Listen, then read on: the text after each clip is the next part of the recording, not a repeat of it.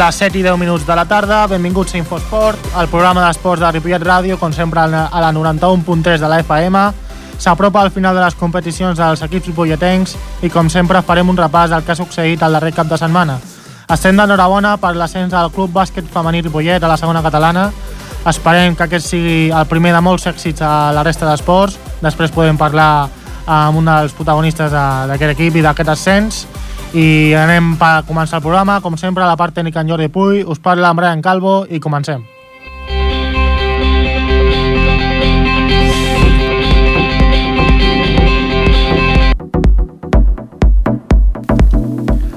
Comencem amb tenis taula, que aquest cap de setmana el, el doble partit del tenis taula de Ripollet, del masculí, amb una victòria i una derrota. Eh, la primera, la victòria 3 a 4 davant el Marpex Soargui, i la derrota 4-2 davant l'Irun, que el deixa amb 16 punts a la classificació, dos per sobre del descens que el marca el Calella. Per parlar d'aquest doble enfrontament, eh, parlem, com sempre, amb el Ramon Argenté, entrenador del, de, de la casa, del tenis taula Ripollet. Ramon, bona tarda. Bona tarda. Una victòria i una derrota, eh, quines sensacions ens deixen? Bueno, pues, eh, ja anàvem amb aquesta convicció nosaltres, eh, de fer, una, de fer una victòria i precisament la victòria dels que van guanyar. Mm. A la segona volta, o sigui, la primera volta nosaltres vam guanyar els dos partits, tant el Marc Pitzbarghi de Tolosa com el Lecanea d'Irun. Però passa que el Lecanea d'Irun, com que veia que les coses estaven mal dades, va fitxar un estranger, sí. eh, el jugador Avicell Iadat. Llavors, des que aquest eh, equip ha fitxat aquest jugador estranger, doncs no han perdut cap partit i per això han remuntat, no? L'objectiu nostre era fer una victòria, i la victòria tenia que ser contra l'equip del, del Tolosa que va ser dissabte. Però, tot i amb això, el partit va anar, va anar molt disputat, tenint en compte que aquest equip també té un jugador xileno, el Jorge Gambra. Mm eh, i el resultat va anar apartadíssim. Primerament, Raúl Porta va guanyar en el jugador Iker Muguerza per 2 sets a 3, sí. o sigui que podia cara a favor d'un com l'altre, va ser el 0-1. El Miquel Arnau va perdre amb el jugador xilè per 3 a 2, amb un disputat 3 a 2 que hagués pogut ser. Li va remuntar un 2-0, el Miquel anava guanyant 2-0 i al final l'experiència del jugador Xile doncs, va guanyar el Miquel per 3 a 2 i va tirar l'empat a 1. Si és, si és difícil que li guanyin al Miquel, més encara que li remuntin. Aquí està, doncs amb 2-0, 2-0 i 3 i 3 i 3-0 en el tercer set, eh? Però és un jugador amb molta experiència, mm. un jugador internacional per, per Xile, i va, va imposar la veterania de Jorge Gambra, no? que a més a més eh, el doblava en edat. Va sí. ser l'empat a 1. Eh, Joan Massip va guanyar Eder Vallejo, també amb un apretadíssim 2 a 3, posant l'1-2 al marcador, el xilè va guanyar 3 a 1 a Raúl Porta, empat a 2. Iker eh, Muguerza va guanyar Joan Massip, va guanyar Joan Massip 0-3 mm. i era el 2 a 3 en el marcador. Sí. I llavors, en canvi, el Miquel Arnau doncs, va perdre amb el jugador eh, Eder, eh, Eder Vallejo eh, per un ajustadíssim 3-2 que hagués pogut ser a favor del Miquel, però els últims punts van cara a favor del, del jugador basc. Mm i va ser en empat a 3. I llavors... En el, desempat, no? Sí, a l'empat a 3. Llavors, quan s'arriba a un empat a 3, es, es, es fa el desempat a dobles, van jugar per part de l'equip del Marpitz Oargui, el Iker Muguerza i el xilè Jorge Gambra, mm. i la parella Miquel Arnau i Jaume Sip, que estan entre tables, van guanyar per un contundent 0-3, posant el 3 a 4 en el marcador, i, aquest, i aquí es podria dir que, que pràcticament la cosa està salvada de, de no baixar directament. El, els dos primers punts que, bueno, que va perdre el Miquel, després, clar, arriba al punt de desempat quan s'està jugant tot i guanyen per 0-3. Demostra sí. la maduresa i l'experiència que té el Miquel, no? Sí, no, és que Miquel i Joan fan un bon doble, eh?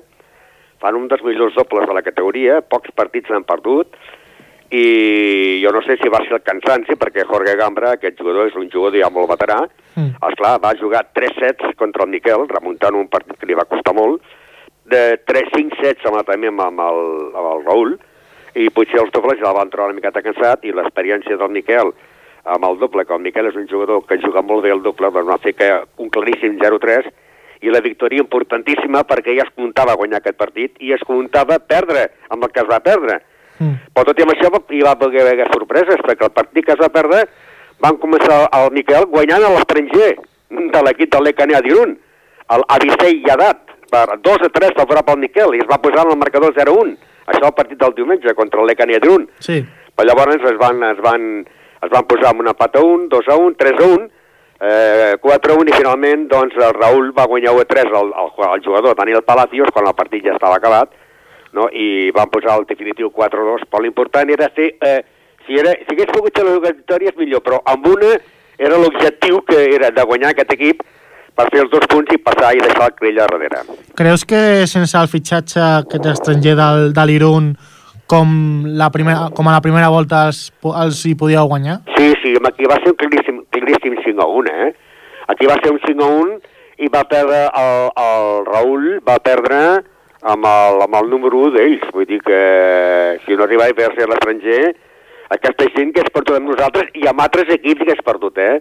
Mm. El que passa, així com el Monte Porreiro a la segona volta no ha guanyat cap partit, doncs, eh, en canvi, l'equip del Lecanet Irún els ha guanyat tots a la segona volta i per això s'ha escapat de, de, del descens, perquè estava, estava candidat en el descens en la primera volta.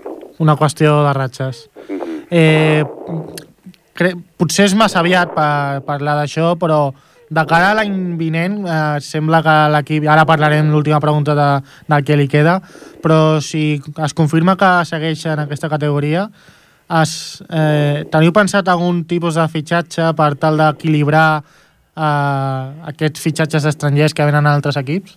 Eh, podria ser que hi hagués un jugador, no? Però un jugador que fos nacional, un, un número nacional, mm. Perquè, lògicament, pensa que si les noies també puixen a divisió d'honor i els nois que estan fent la fase per pujar, que, que han quedat campions, ara m'ha passat l'acte i han quedat campions a tercera nacional, faran la fase per pujar a segona nacional, clar, tindrien tres equips voltant tot Espanya, saps? Mm. I llavors eh, no es podrien permetre el luxe de fitxar un jugador estranger, no?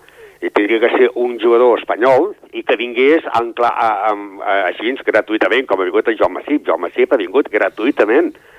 Un jugador que ha vingut d'Igualada, per jugar a una categoria superior com és la divisió d'honor. Ell estava jugant allà a segona nacional i ha donat un salt important. No? Llavors hi ha jugadors d'aquests que per promocionar-se et tenen gratis per jugar a una categoria superior a la que estan jugant ells, no? I, esclar, estaríem mirant algun jugador d'aquests per poder venir. Clar, és una, una molt bona oportunitat jugar en aquest, en aquest club i en aquesta categoria. Ah, clar. Per, ja per fer un repàs i ja per acabar l'entrevista, uh, última jornada, què hem de fer per salvar-nos i, i què, què toca? Què... Doncs més que més que guanyar el Borges, que es pot guanyar, és que, que, que, que perdi el Calella. Mm. Perquè és que a l'últim partit el Calella té el triple desplaçament a Galícia. I ha de jugar contra el Garcilla, contra el Cambados i contra el Monteporreiro. Ah, llavors, eh, si l'equip del Calella no en guanya cap, que jo crec que en guanyarà un, si no en guanya cap, baixaria el Calella. Si en guanya un, sí. si, empataria amb el Ripollet i el Ripollet es quedaria pel millor gol a baraix. Comptant que el Ripollet té que jugar a casa contra el Borges. Mm. Eh? Quin... Eh, jo ja conto perdre amb el Borges. Mira què et dic, conto perdre amb el Borges, però conto que el Calella només guanyi un partit que sigui contra el Monteporreiro. Clar, que, a més a més també pesa una cosa, que la cosa està molt, molt, molt, molt igualada, perquè pot acabar la Lliga amb un triple empat a baix, mm. però el Ripollet perd el gol a baraix amb el, Monte, amb el Monteporreiro. El, el guanya amb el Calella. El gol a baraix amb el Calella, però el Monteporreiro guanya el gol a baraix al Calella. O sigui que aquest triple empat eh, beneficiaria al Monteporreiro. Al Monteporreiro, no? Però eh, jo crec que el Monteporreiro pot perdre, pot perdre amb el Calella, però el Calella crec que dels tres que li queden, el que fa la mateixa, la mateixa setmana, mm. farà un partit. De fer un partit i el Ripollet perdre, quedarien cosa, la, la cosa empatada a punts i per millor coeficient, el, el, el gol a baraix entre Ripollet i Calella, el que baixaria seria el Calella. Conclusió, que guanya el Calella al Monteporreiro. No, jo, i... jo, jo dic la veritat, i, ens sap greu pel Calella, però que perdi el Calella. sí, per, per la qüestió del... En principi, de el, en, en principi el que es volia és que entre el Calella i el Ripollet fer fora el Monteporreiro o fer fora l'equip del, del, de l'Helios de Saragossa. Sí. Però aquesta gent s'ha reforçat i ha, i ha tocat rebre Ripollet Calella. Clar, ja, ja és massa complicat. Doncs, eh, Ramon, us desitgem molta sort per l'última jornada i aviam si es pot aconseguir la permanència. I sobretot sort per la setmana que ve, perquè el dissabte fem la fase d'ascens per a Divisió d'Honor aquí a Ripollet. També, també en parlarem més en profunditat. D'acord. Moltes gràcies, Ramon. A vosaltres, com sempre. Adéu, adéu, adéu.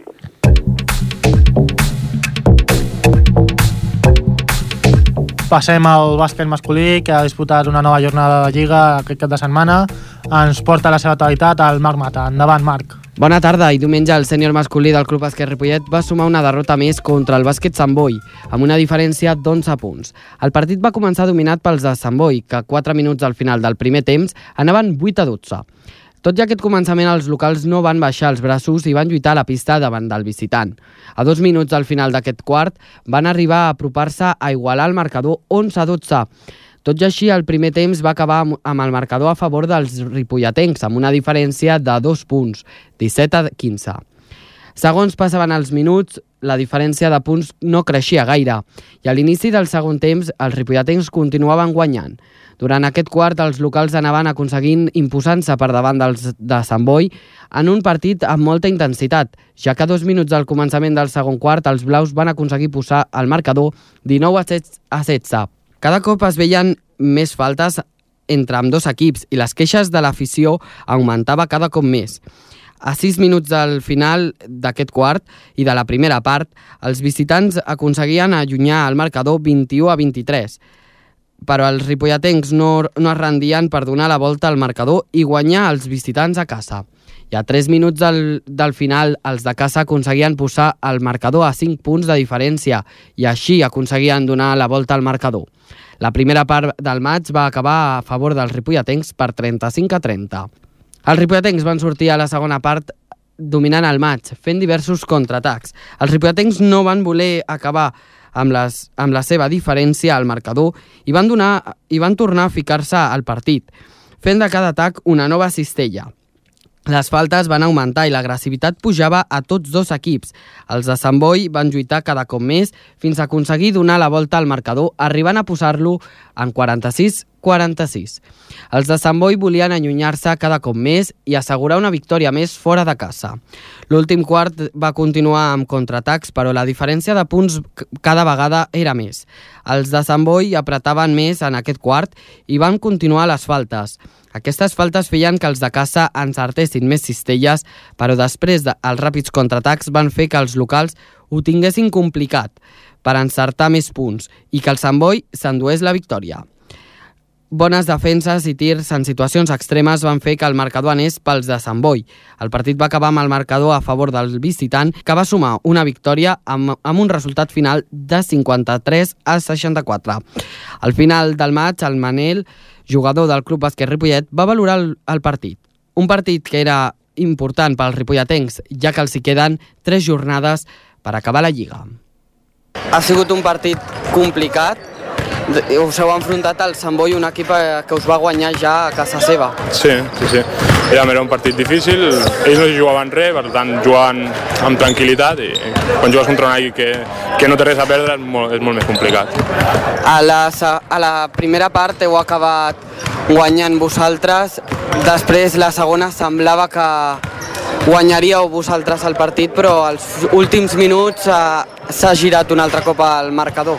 Sí, al final no, hem, no hem aguantat i s'han pujat el ritme i s'han passat per sobre. Al final la diferència de 10-11 punts és, és clara de que ells s'han passat per sobre nostre. Creus que hauríeu de millorar alguna cosa del partit d'avui? Sempre, sempre s'ha de millorar alguna cosa, hem d'aconseguir estar intensos els 40 minuts i no, no baixar. Perquè a part d'això, bueno, cohesionar-nos més com a equip, però ara a final de temporada ja és més complicat. Porteu amb aquesta derrota 14 partits eh, perduts i 13 guanyats. Us queden 3 jornades. Com afronteu aquestes 3 últimes jornades de Lliga? Que cada partit és una final. Hem de guanyar com a mínim un i hem d'intentar guanyar el, el següent.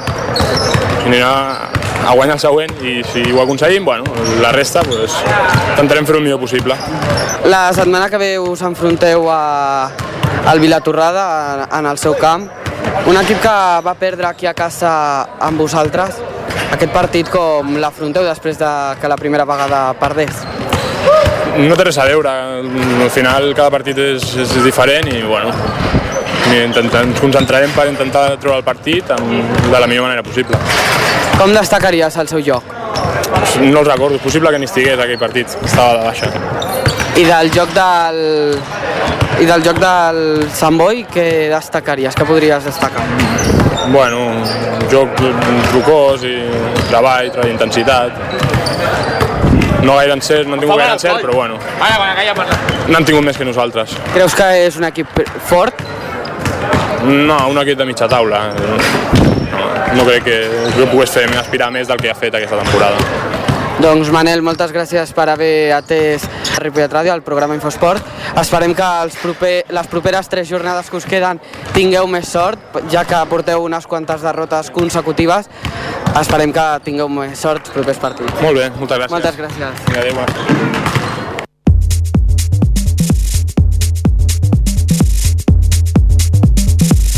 Moltes gràcies, Marc. Eh, continuem amb bàsquet, però passem al bàsquet femení, que tenim una gran notícia. El seu ascens a la segona catalana ens emporta el Nil Arteaga. Nil, bona tarda. Doncs sí, bona tarda, Brian. Com tu bé has dit, aquest cap de setmana el club de bàsquet Ripollet femení ha vençut el seu partit a la pista del Vilar de Cavalls per un marcador de 39 a 53, assolint així l'objectiu d'ascendir a la Lliga de Segona Catalana. Eh, per més informació sobre aquest, aquest èxit del Club Ripollet parlem amb Albert Ortega, entrenador del sènior femení. Albert, bona tarda. Hola, bona tarda. Bona tarda, Albert. Com, com va anar el partit? El partit? Vau, dim, vau dominar tot el maig o hi va haver fases que us va veu anar una mica per darrere? Hmm. El partit va ser dominat en tot moment per, per nosaltres. La, les diferències van oscil·lar entre els 15 i els 20 punts Vaja, era un partit una mica, una mica estrany, eh, coneixedors que a poc que fessin les coses més o menys bé, donava diferència eh, de nivell entre un i altre equip, el trauríem endavant, i això sumat eh, a les ganes que teníem ja de que s'acabés el partit i poder celebrar-ho, una cosa que portàvem treballant tant i tant temps, doncs va ser un partit una, una miqueta estrany, com et dic. Va estar marcat sobretot per, pel desencert, per desencert nostre, per, per voler també matar-ho molt aviat, per estar tranquil·les durant la resta del partit, però bueno, ja et dic, malgrat no estar encertats, malgrat no ser el millor partit, la diferència entre un i altre equip va fer que, tot i així, les diferències anessin entre els 15 a 20 punts durant tot el partit i ens permetessin, doncs, doncs tindre aquest coixí que, tot i no ser el millor partit de la temporada, ens permetés endur-nos el, endur el partit i, i, i assolir la, la Lliga. Hi havia potser segurament una mica de nervis, no? Però tot i així ho veu saber solventar. Exacte, sí, entre nervis, emoció, eh, tot plegat, un cúmul de, de, de, de reaccions i sentiments que a vegades pues, et juguen les males passades i ens va passar també el dia que vam jugar a casa contra l'Escola del Carme on teníem el pavelló ple i era un partit molt important doncs bueno, són aquells dies que hi ha moltes emocions plegades i, i costa una miqueta més de lo normal però, però algo normal i tant de bo passi sempre eh? però no va passar res, vam seguir treballant, intentant buscar opcions i, i endur-nos el partit que era el que buscàvem tot i l'ascens, segurament ha sigut una, una temporada molt difícil, com ho és cada, cadascuna. Eh, quina valoració fas de l'equip en general? Mira, lo, el, el més important d'aquest equip és que s'ha divertit jugant, o com a mínim és el que, el que jo he notat des de la banqueta. A part d'això, són unes noies que relativament joves i que tenien moltíssimes ganes d'aprendre, moltíssimes ganes d'aprendre i de millorar, i això ens ha ajudat moltíssim en el treball. A partir d'aquí, la clau, la clau és que creia molt, molt, molt, molt en el que estan fent, moltíssim. I si un equip creu en allò que fa, treu, treu, treu avantatge a la resta. Aleshores, passat per moments de, de, de tot, però és que eh, al final cada moment que ens ha vingut, eh, que ens, cada moment que ens hem trobat i que hem, enfront, que hem enfrontat ha sigut millor que el que havíem viscut anteriorment. Hem viscut partits que jo crec que difícilment ens podem repetir. El partit de Caldes, eh, una primera part impressionant a Sant Quirze, per un cúmul de coses que realment nosaltres estàvem contra les cordes perquè havíem perdut dos partits i ens traien dos partits d'avantatge les primeres i que des de fa sis mesos no perdem un partit i ens ha fet, ens farà això, vaja, guanyar la Lliga eh, amb un partit d'avantatge. Havent d'anar al camp de aleshores líder i guanyar-los quan ningú més ho ha fet, eh, anotant 17 triples en un tercer catalana, que és algo impensable. Bé, és que sí que hem viscut moments difícils, però que creiem tant en el treball i creiem que amb aquest treball assoliríem l'èxit, ha sigut un camí molt, molt divertit, molt interessant i que realment doncs, ha donat els seus fruits. Al final el treball i l'esforç d'ús us ha tornat la recompensa. Eh, com, qui, quines idees teniu de, de com serà la, la propera temporada en una categoria ja més complicada? Mm, bueno, encara no, encara no acabem d'entrar eh, al 100% en aquest tema perquè és cert que ara ve una part també un premi, no? que és jugar una, un, uns quarts de final davant un campió d'un altre grup i al final passar possibles eliminatòries per ser les, les campiones de Barcelona i posteriorment des de Catalunya, però, òbviament, sí que hi ha una planificació de temporada vinent ja feta. I, bueno, serà qüestió per a les jugadores, de veure eh, quines intencions tenen cadascuna d'elles, quines intencions eh, tinc jo o té el club, i, i bueno, si tot eh, ens posem d'acord, doncs tireu endavant. I a partir d'aquí, a partir de l'equip que, ens, que, que formem, planificarem uns objectius. L'objectiu principal és el que he dit al principi, divertir-nos l'any que ve, aprendre, competir i creure en allò que fem. I ja ens ho anirem trobant tot. Eh, veus el possible alguna incorporació per l'any que ve? Sí, sí, sí. Intentarem, a més a més, que siguin gent del poble o d'aquí a, a la vora, és a dir, gent que també sigui reconeguda per la gent que, que, que ens va veure cada, cada, cada de setmana. I, I sí, alguna cosa trobarem. No, no és fàcil trobar perquè en una categoria tan, tan amateur, on a més a més els jugadors paguen i paguen molt per jugar a bàsquet, doncs, home, que a sobre s'hagin de desplaçar és complicat. Però bueno, tenim un projecte, tenim il·lusió, tenim ganes, alguna cosa farem, alguna cosa farem segur. Albert, per la meva part només una pregunta. Deies que tu també has, bueno, has d'acabar de, de pensar per, per la propera temporada. Personalment, que tens ja pensat alguna cosa? Sí, sí, sí, tenim un esborrany, tenim un quatre línies marcades del que volem de l'any vinent, però abans d'això eh, cal parlar primer amb les jugadores, que són les que s'ho mereixen, que abans de res parlar amb elles, però, però bueno, la intenció és que eh, sentim valorades perquè nosaltres, i jo personalment les valoro moltíssim, que ens entenguem, que tinguem els mateixos objectius i, i trobarem una solució per cadascuna d'elles. No hi haurà cap problema. No és que ara cap jugador a tirar ni res. Aquí les estiguem totes i les valorem moltíssim a totes. Doncs des d'aquí al programa us desitgem tota la sort per aquests quarts de final que comentaves i per la temporada que ve, que I, segurament serà molt... I sobretot felicitar-vos per aquest ascens. I felicitar-vos, evidentment, per l'ascens. Eh, molta sort per la propera temporada i pels partits que venen, Albert, i, i moltes felicitats. Moltíssimes gràcies i felicitar-vos pel, pel seguiment que, que feu, no només al bàsquet, no només al esport en femení, sinó a l'esport al poble. Moltes gràcies. A vosaltres. A vosaltres, gràcies. Fins una altra. Fins una altra, Marc. Ai, Albert.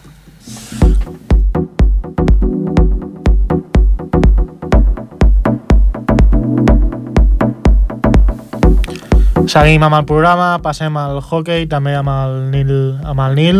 Uh, Nil, el hockey patins Ripollet, que aquest cap de setmana un nou partit ha disputat. El hockey que també està a punt d'aconseguir l'ascens, cada cop està més a punt de, més a prop d'aconseguir aquest objectiu. Aquest cap de setmana va guanyar el seu partit davant d'un rival molt complicat com és el Sant Just, que era quart, per un marcador ajustat de 3 gols a 2, partit corresponent a la 26a jornada de la segona catalana. Amb aquest resultat, els ripolletens sumen 61 punts i aprofitant la derrota del Congrés, que era segon, a la pista de Laietà per 5 a 3 recuperen la primera plaça de la classificació. La propera jornada els ballesans disputaran el seu partit fora de casa davant el Barberà, equip que ocupa l'última plaça de la classificació amb només 5 punts i que ve de perdre el seu últim, par últim partit per un marcador contundent de 8 gols a 3 davant el Jesús Maria i Josep. Per analitzar més en profunditat l'actualitat del club, tenim en via telefònica Nil Figueres, jugador del primer equip i autor del gol de la victòria. Bona tarda, Nil. Hola, bona tarda. Hola, bona tarda, Nil. Partit complicat que, que vau haver de remuntar amb un 0-2 en contra. Eh, què us va passar al principi? Bueno, eh, crec que no vam estar del tot encertats al principi. Sí que vam fer un bon inici, però bueno, ells es van trobar amb un gol eh, sense gairebé haver arribat a porteria i, i bé, i, i jo crec que una mica doncs, el nerviosisme i la pressió de que ara aquests últims partits eh, s'han de guanyar sempre, doncs ens van jugar una mala passada i, i vam començar perdent, però bueno, el patiment de tot l'equip i l'esforç que va fer tot l'equip doncs va, va, acabar, eh, va acabar bé. En general, el plantejament que us, va, que us va posar sobre la taula el Sant Just us va complicar bastant? Sí, bueno, sabíem que també pel partit d'anada allà sabíem que era un partit complicat perquè eren, eren bueno, un equip que era molt jove també, més o menys de la nostra edat, que, que físicament estaven molt forts i que, i que, bueno, que altres rivals eh, de la part de de la categoria doncs, també els havia complicat les coses en altres partits i, i ja ens esperàvem un partit complicat, però, bueno, però, però començar 2-0 perdent doncs sí que, sí que és veritat que no, no, està, no entrava dins els nostres plans, però bueno, eh, vam, vam saber sobreposar-nos. Com veu treure aquesta força mental per remuntar? Bueno, eh, jo crec que una mica eh, les ganes de, de pujar, eh, l'objectiu que tenim tots en comú que, que fa doncs, que sempre que les coses es posin eh, difícils, doncs, doncs eh, juguem tots com un equip i fem tots pinya i al final doncs, eh, els resultats acaben sortint. Si no, no, si, no, si no fos així no seria possible aixecar els partits. Suposo que la, la victòria del Laietà davant el Congrés també us va motivar d'alguna manera. Uh, sí, bueno, no sé si, si al final va, va acabar guanyant o no, o si va ser un error de, de la federació, però de totes maneres eh, tampoc tenim ah. gaire en compte els resultats de, dels altres equips perquè eh, nosaltres sabem que, que depenem de nosaltres mateixos, que hem de guanyar els, els partits que ens queden i, i d'aquesta manera doncs pujarem. Suposo que, com bé comentaves, els nervis són cada cop més presents a mesura que, que l'objectiu està més a prop, no? Sí, sí, sí, clar, clar. A, a, a mesura que s'acosten els partits finals i els partits decisius, sobretot, com era el d'aquest cap de setmana, doncs, doncs la, els nervis i la tensió creix i sobretot sent jugadors més joves que, que no tenim tanta experiència en aquest tipus de, de partits, doncs també ens, ens poden perjudicar, no? Però bueno, tenim jugadors també, l'entrenador també amb experiència, que, que sap com es juguen aquests partits i, i doncs també ens va ajudar molt. Quins partits us queden així més, més destacables? Bé, jo diria que, que ara ens quedaria doncs, la sortida de, a Barberà, que hem d'anar a ser a pista, que és un, una pista on, on ens costa molt jugar perquè no estem acostumats a jugar en parquet, i, i la resta de partits, doncs, eh, crec que ens queden eh, tres partits eh, per ser a primera matemàticament, i els altres dos ens queden a casa, vull dir que, que jo diria que, que els tres partits hauran de, seran importants perquè els, els haurem de prendre molt seriosament, però que, però que jo crec que, que la feina més difícil ja, ja ha estat feta. Però no ens podem relaxar ara, clar, tampoc. Seria un fracàs, suposo, no aconseguir aquest ansiat ascens.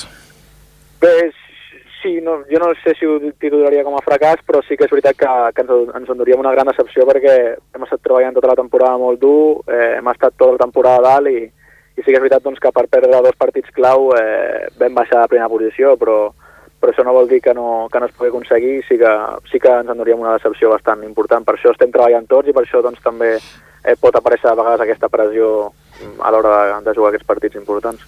Com a, eh, com a punt de vista personal, eh, com, com valores la teva temporada al primer equip? Perquè ets jugador del júnior. Sí, sí, bueno, eh, molt content. Eh, la primera temporada Uh, bueno, de fet, ja em porto dos o tres jugant, però la, aquesta és la temporada doncs, que més participació i més eh, importància ha tingut a l'equip i molt content tant, per, tant pels resultats com pel nivell personal també que, que m'està fent millorar com a jugador i créixer com, com a jugador també dins de l'equip. La temporada que ve ja, ja serà jugador al primer equip o, o com ho veus, això? Sí, la temporada que ve per edat eh, ja sóc sènior de primer any i per tant doncs, ja estic al primer equip, però sí, Suposo que no tens pensat uh, un futur fora del club. Eh, no, de moment, de moment no, de moment no, i menys doncs, sabent que l'any que ve es pot estar jugant a primera catalana. Eh, com, quina, quina idea tens de com serà aquesta competició molt complicada? Amb bueno, ganes l'afrontes? Eh, ens esperem una, una competició, una lliga sobretot bueno, amb, amb equips que ja estan treballats, amb equips que, doncs, que saben jugar i que, i que molts d'ells són cantera, canteres o segons equips de, de clubs doncs, que tenen també els sèniors a categories més altes sí. i per tant doncs, ens esperem eh, una competició molt difícil també, molt renyida, però que a la vegada també ens, ens il·lusiona molt doncs, perquè ens permetrà medir-nos amb rivals eh, molt més alts. Doncs, eh, Nil, des d'aquí al programa us desitgem tota la sort per aconseguir aquest ascens que segurament d'aquí poques setmanes el podrem anunciar i, i res, moltes gràcies per la teva col·laboració i molta sort per, pels propers partits. Moltes gràcies a vosaltres, així esperem. Fins una altra nit. Fins una altra nit. Fins una altra, adéu.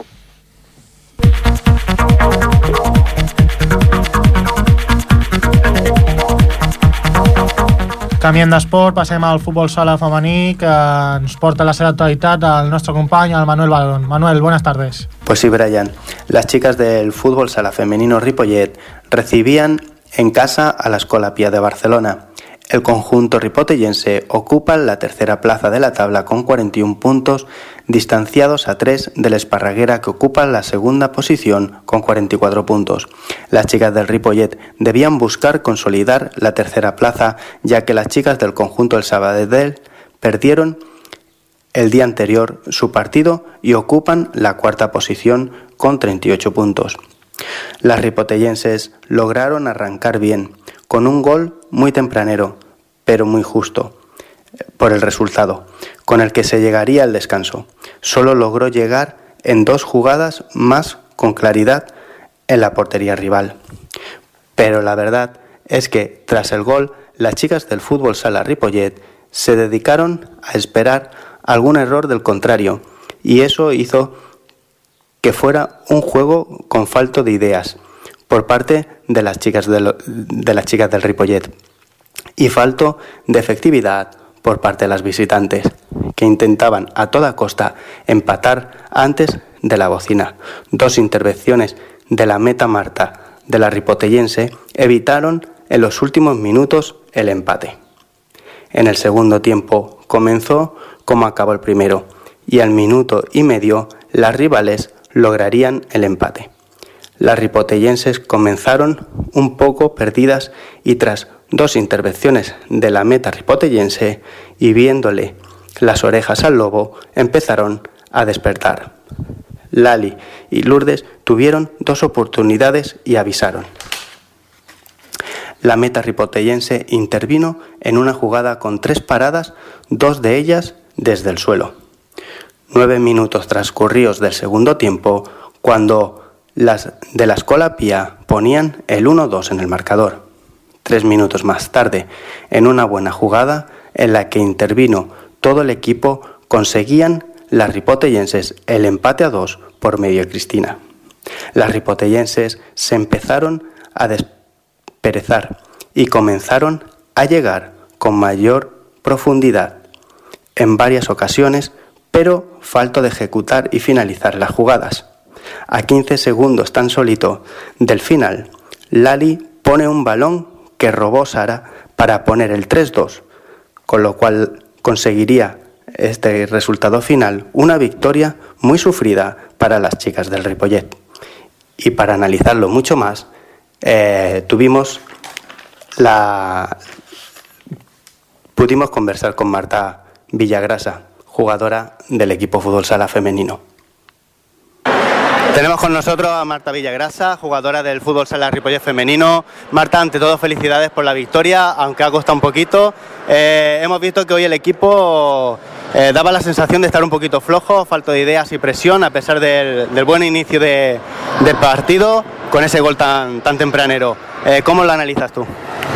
Bueno, llevamos una, cogimos una mala racha eh, de 3-4 partidos después de, perder contra el partido aquí en casa del Echampla. Y lo importante ahora mismo para nosotros es conseguir las victorias. Eh, es cierto que, nos cuesta, está costando últimamente ganar, eh, pero contamos con eso, ya te digo. Lo importante es que consigamos la victoria al final del partido y volver a coger esa dinámica positiva. Marta, el equipo ha perdido motivación. ¿Crees que está algo más desmotivado después de perder también incluso la, segunda plaza y ahora estáis luchando por esa tercera? Bueno, más que por la segunda o tercera plaza fue el, tema de quedarnos a tantos puntos del liderazgo, ¿no? Eh, nuestro objetivo este año era ganar la liga, quedarnos a esos 15 puntos de, la primera plaza. Fue como que, hubo un, un punto de desmotivación total. Pero ya te digo, después de esta racha que hemos pasado otros tres partidos, eh, hemos intentado remontar y buscamos el objetivo eso de, quedar lo más arriba posible, que en este caso sería esa segunda plaza, que nos jugaremos si todo va bien en casa contra, contra el Esparraguera. Y dependemos de nosotras mismas, que eso es importante también. Eh, si no me equivoco, vosotras estáis a 39 puntos, el Esparraguera 44. Haría falta que antes de recibir vosotras, no sé si jugáis aquí o allí, eh, necesitaríais, por ejemplo, que ellas también perdieran algún punto por el camino, ¿no? Eh, bueno, si no me equivoco, estamos a tres puntos de ellas. Entonces, como jugamos aquí en casa contra ellas y en caso de ganar, tendríamos el golaveraje a favor y quedaríamos segunda. O sea, que realmente dependemos realmente de nosotras mismas. O sea, vuestras aspiraciones con, la segunda plaza sería también ascender de categoría o cómo lo veríais? La verdad es que después de lo del año pasado, ¿no? que, ganamos la liga con tantísimos puntos de diferencia, una gran temporada y que luego fue por un tema económico que no se pudo subir, este año la intención es quedar lo más arriba posible porque si tenemos esa opción, como fue el año pasado, el primero no subió que fuimos nosotras, ascendió la, segunda plaza que ese fue la Concordia, pues hacer lo mismo, quedar segundas para si tenemos esa opción y hay el presupuesto pues poder subir a, plata, sí. Eh, el próximo partido ante el Hospitalet, si no me equivoco, eh, ¿cómo afrontáis este partido? Pues un poco como el de hoy y como el de la semana pasada, eh, ganar es lo único que nos sirve. O sea, ganar, ganar y, ganar otra vez, no nos sirve otra cosa. Pues nada, Marta, esperamos que el Ripollo vuelva a coger nuevamente el ritmo y que, que logréis el objetivo. Muy bien, pues muchísimas gracias. A ti.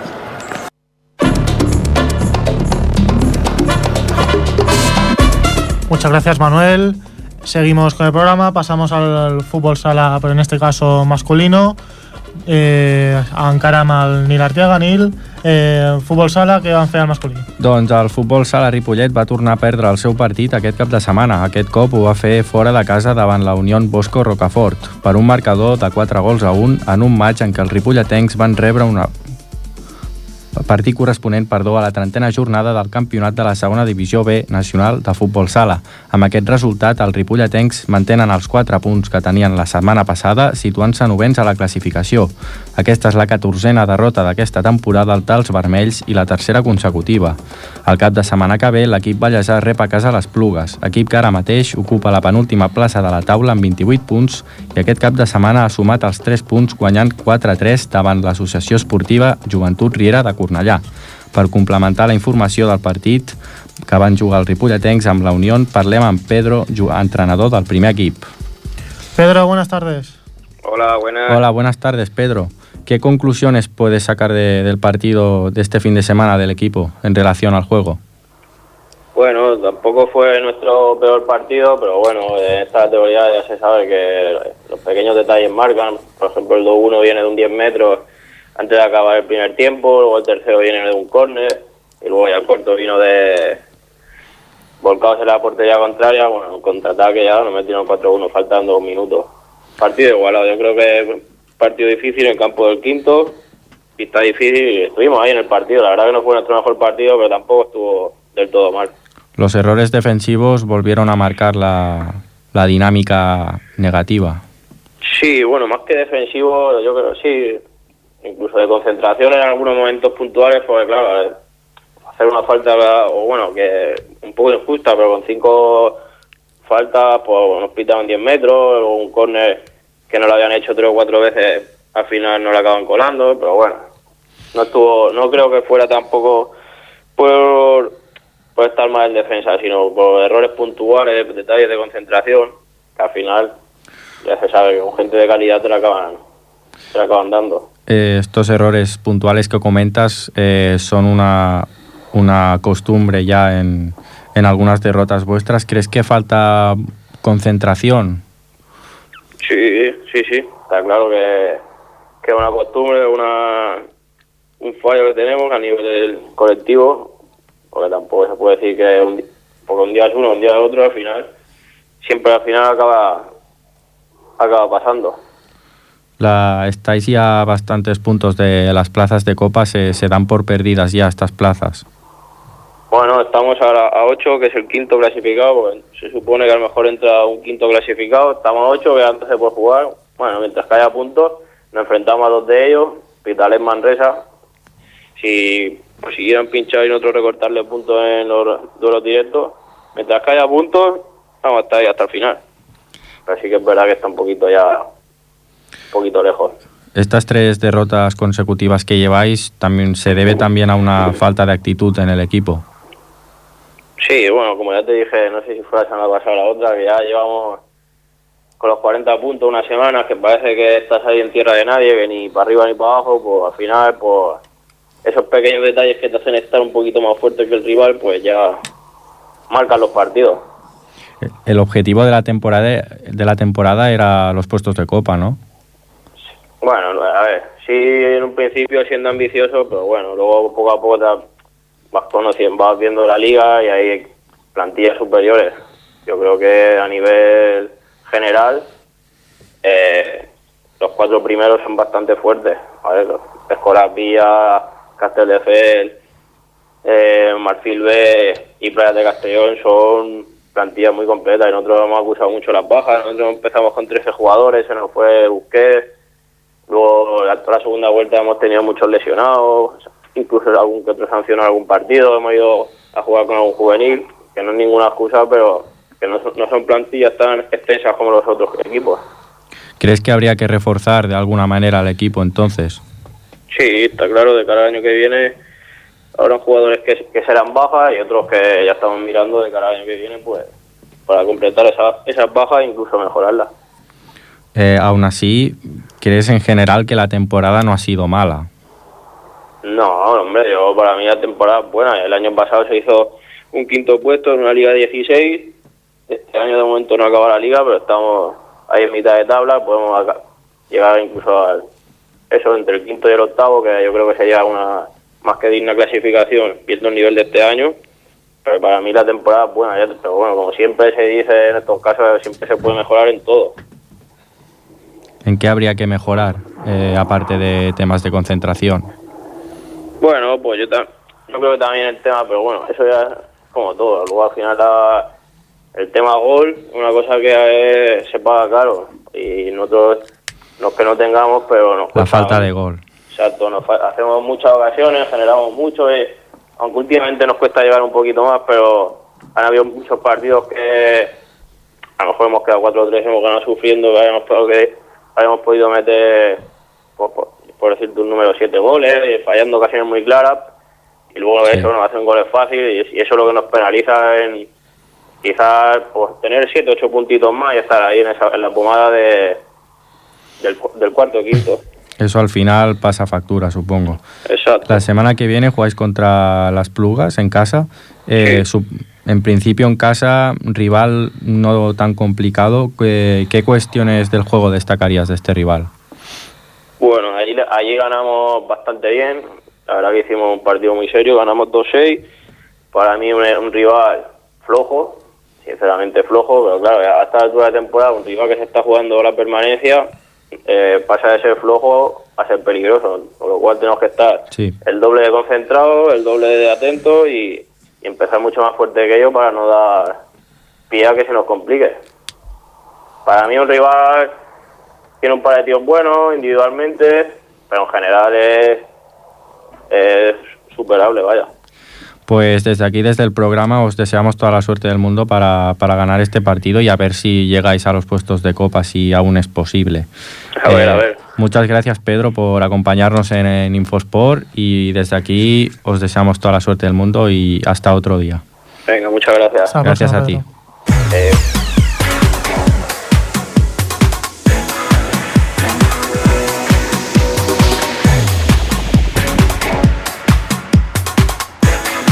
Passem a l'última secció del programa, al boxa, que bueno, este fin de semana, se- el pasado viernes, se disputó el combate por, por el cinturón nacional del peso semipesado en el pabellón Joan Creus de, de aquí de Ripollet, eh, que enfrentaban a Musta y Feuceu. Eh, también aparte se disputó, ya, después de este combate, el- un combate por el peso superpluma entre el pugil georgiano Irakli Kurash Bediani y el nicaragüense Reinaldo Mora. Y antes de, de estos dos combates, dos horas antes de la velada, eh, eh, hubieron distintos eh, combates, mm, duelos amateur que, que analizaremos con más profundidad con uno de los miembros del Club Boxeo Ripollet, eh, Remedios Aragón. Remedios, buenas tardes. Hola, buenas tardes. ¿Cómo transcurrió el gran combate de la noche entre Musta y Feuceu? Hombre, fue un combate estelar donde Musta, la verdad que fue muy superior a, a Emanuel. Ah, ya lo tiró a la luna en el primer asalto Hmm. y se recuperó. Emanuel se recuperó en el segundo, en el tercero y en el cuarto ya acabó tocado y, y ganó por KO. La verdad que fue una actuación estelar de, de Mustafa, que es campeón de España, aquí vecino de Terrassa. Eh, antes del combate, los días previos, se decía que Musta par- partía con cierta ventaja. ¿Compartes esta opinión entonces?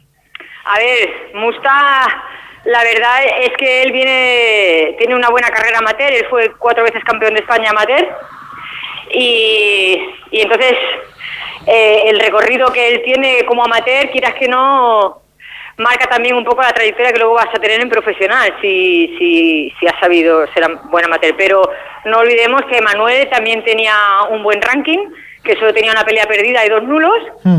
O sea que eran los dos aspirantes que estaban oficiales para el título que habían dejado vacante el Canario. Eh, ¿Qué destacarías eh, brevemente de la- las características de ambos, de ambos luchadores? Hombre, la verdad que Manuel tiene un físico envidiable. Si, si lo ves en persona, es un tipo que tiene una envergadura impresionante. Eh, es un, boxeador ah, de piernas finas y tronco fuerte, los brazos súper largos. eh, es un tipo que si maneja bien su distancia puede ser muy peligroso.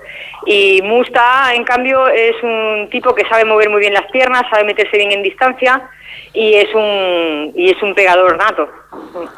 Da- bueno, damos la enhorabuena a Musta por la victoria. El, Sí. segu- el segundo combate fue entre el georgiano Irakli y el nicaragüense Reinaldo. ¿Qué, Sí. se- qué sensaciones te dejó? Ah, Este fue un combate un poco trabado. Irakli le costó mucho poder, poder boxear porque eh, el latino se tiraba, lo trababa, se tiraba, lo trababa y le ensuciaba un poco la pelea. En un momento de la pelea creo que incluso algún cabezazo así fortuito le hizo una pequeña herida a Irakli y entonces al final la pelea quedó así un poco enturbiada. No, eh, Irakli no se sintió cómodo, yo creo. Ganó porque ganó bien, Sí, pero no fue muy vistosa. fue una pelea incómoda porque hay boxeadores que, que tienen un boxeo feo o extraño, pero te complican la pelea precisamente por eso. De acuerdo. Dos horas antes de la velada se disputaron algunos duelos amateur. No sé si pudiste verlos. Sí, sí, sí, sí, ¿Qué- los amateurs me gustan mucho, los amateurs. ¿Qué resumen harías Pues yo destacaría, por ejemplo, los púgiles de Gallego Prada, que hubo un chico latino, no sé, ahora no recuerdo el nombre, que hizo un boxeo olímpico súper bonito. Cristian Euse, que creo que tiene 19 añitos, es un, un niño que tiene un futuro prometedor, que hace un boxeo olímpico precioso y con el peso que tiene es pegador. Eh, Cristian peleó con Edgar Grau del Jim Colo, que es de Montmeló, y los dos mm, tienen un boxeo muy muy bonito. Yo creo que de lo más bonito, de lo más bonito que, que yo vi. A Cristian Euse con Edgar Grau. Y un par más de boxeadores de Gallo Prada y luego nuestro boxeador aquí local, eh, que es Zacarías, que hicieron una exhibición porque son menores y también demostraron que son niños con futuro. Lo hizo con un chico del Cabo Verdún. También hubo algún otro combate de, con un chico de Cabo Verdún que también lo hicieron muy bien. Y luego hubo un combate amateur que bueno que parecía profesional, que, que, que eran pegadores los dos chicos y, y la verdad que estuvo muy emocionante, que la- eh, levantaban al público, la verdad. Y ya la última pregunta, Remedios, eh, ¿satisfechos con la afluencia de público? Sí, la verdad que muy satisfechos. Se hizo en el pabellón anexo del pabellón Joan Creus, que a pesar de que parece pequeñito, tiene, tiene muy buena cabida y, y estaba, y estaba casi el aforo completo. Pues, pues Remedios, os felicitamos al Club Boxeo Ripoller y a ti personalmente por el trabajo que hacéis por el boxeo tanto nacional como aquí de Ripollet. Y, y Muchas mucha- gracias a vosotros. muchas felicitaciones por esta gran velada que organizasteis. Muchas, muchas gracias a vosotros por darnos siempre un espacio en vuestros, en, en vuestros programas. És un placer. Gracias. Hasta la próxima. Adiós, adiós. I ja acomiadem el programa d'avui. Moltes gràcies per escoltar-nos un dia més aquí a la 91.3 de la FM, Ripollet Ràdio, al programa Infosport. Eh, com sempre, el proper dilluns eh, 25 de- d'abril ens tornem a trobar aquí a, a la ràdio. Fins aleshores, molt bona setmana.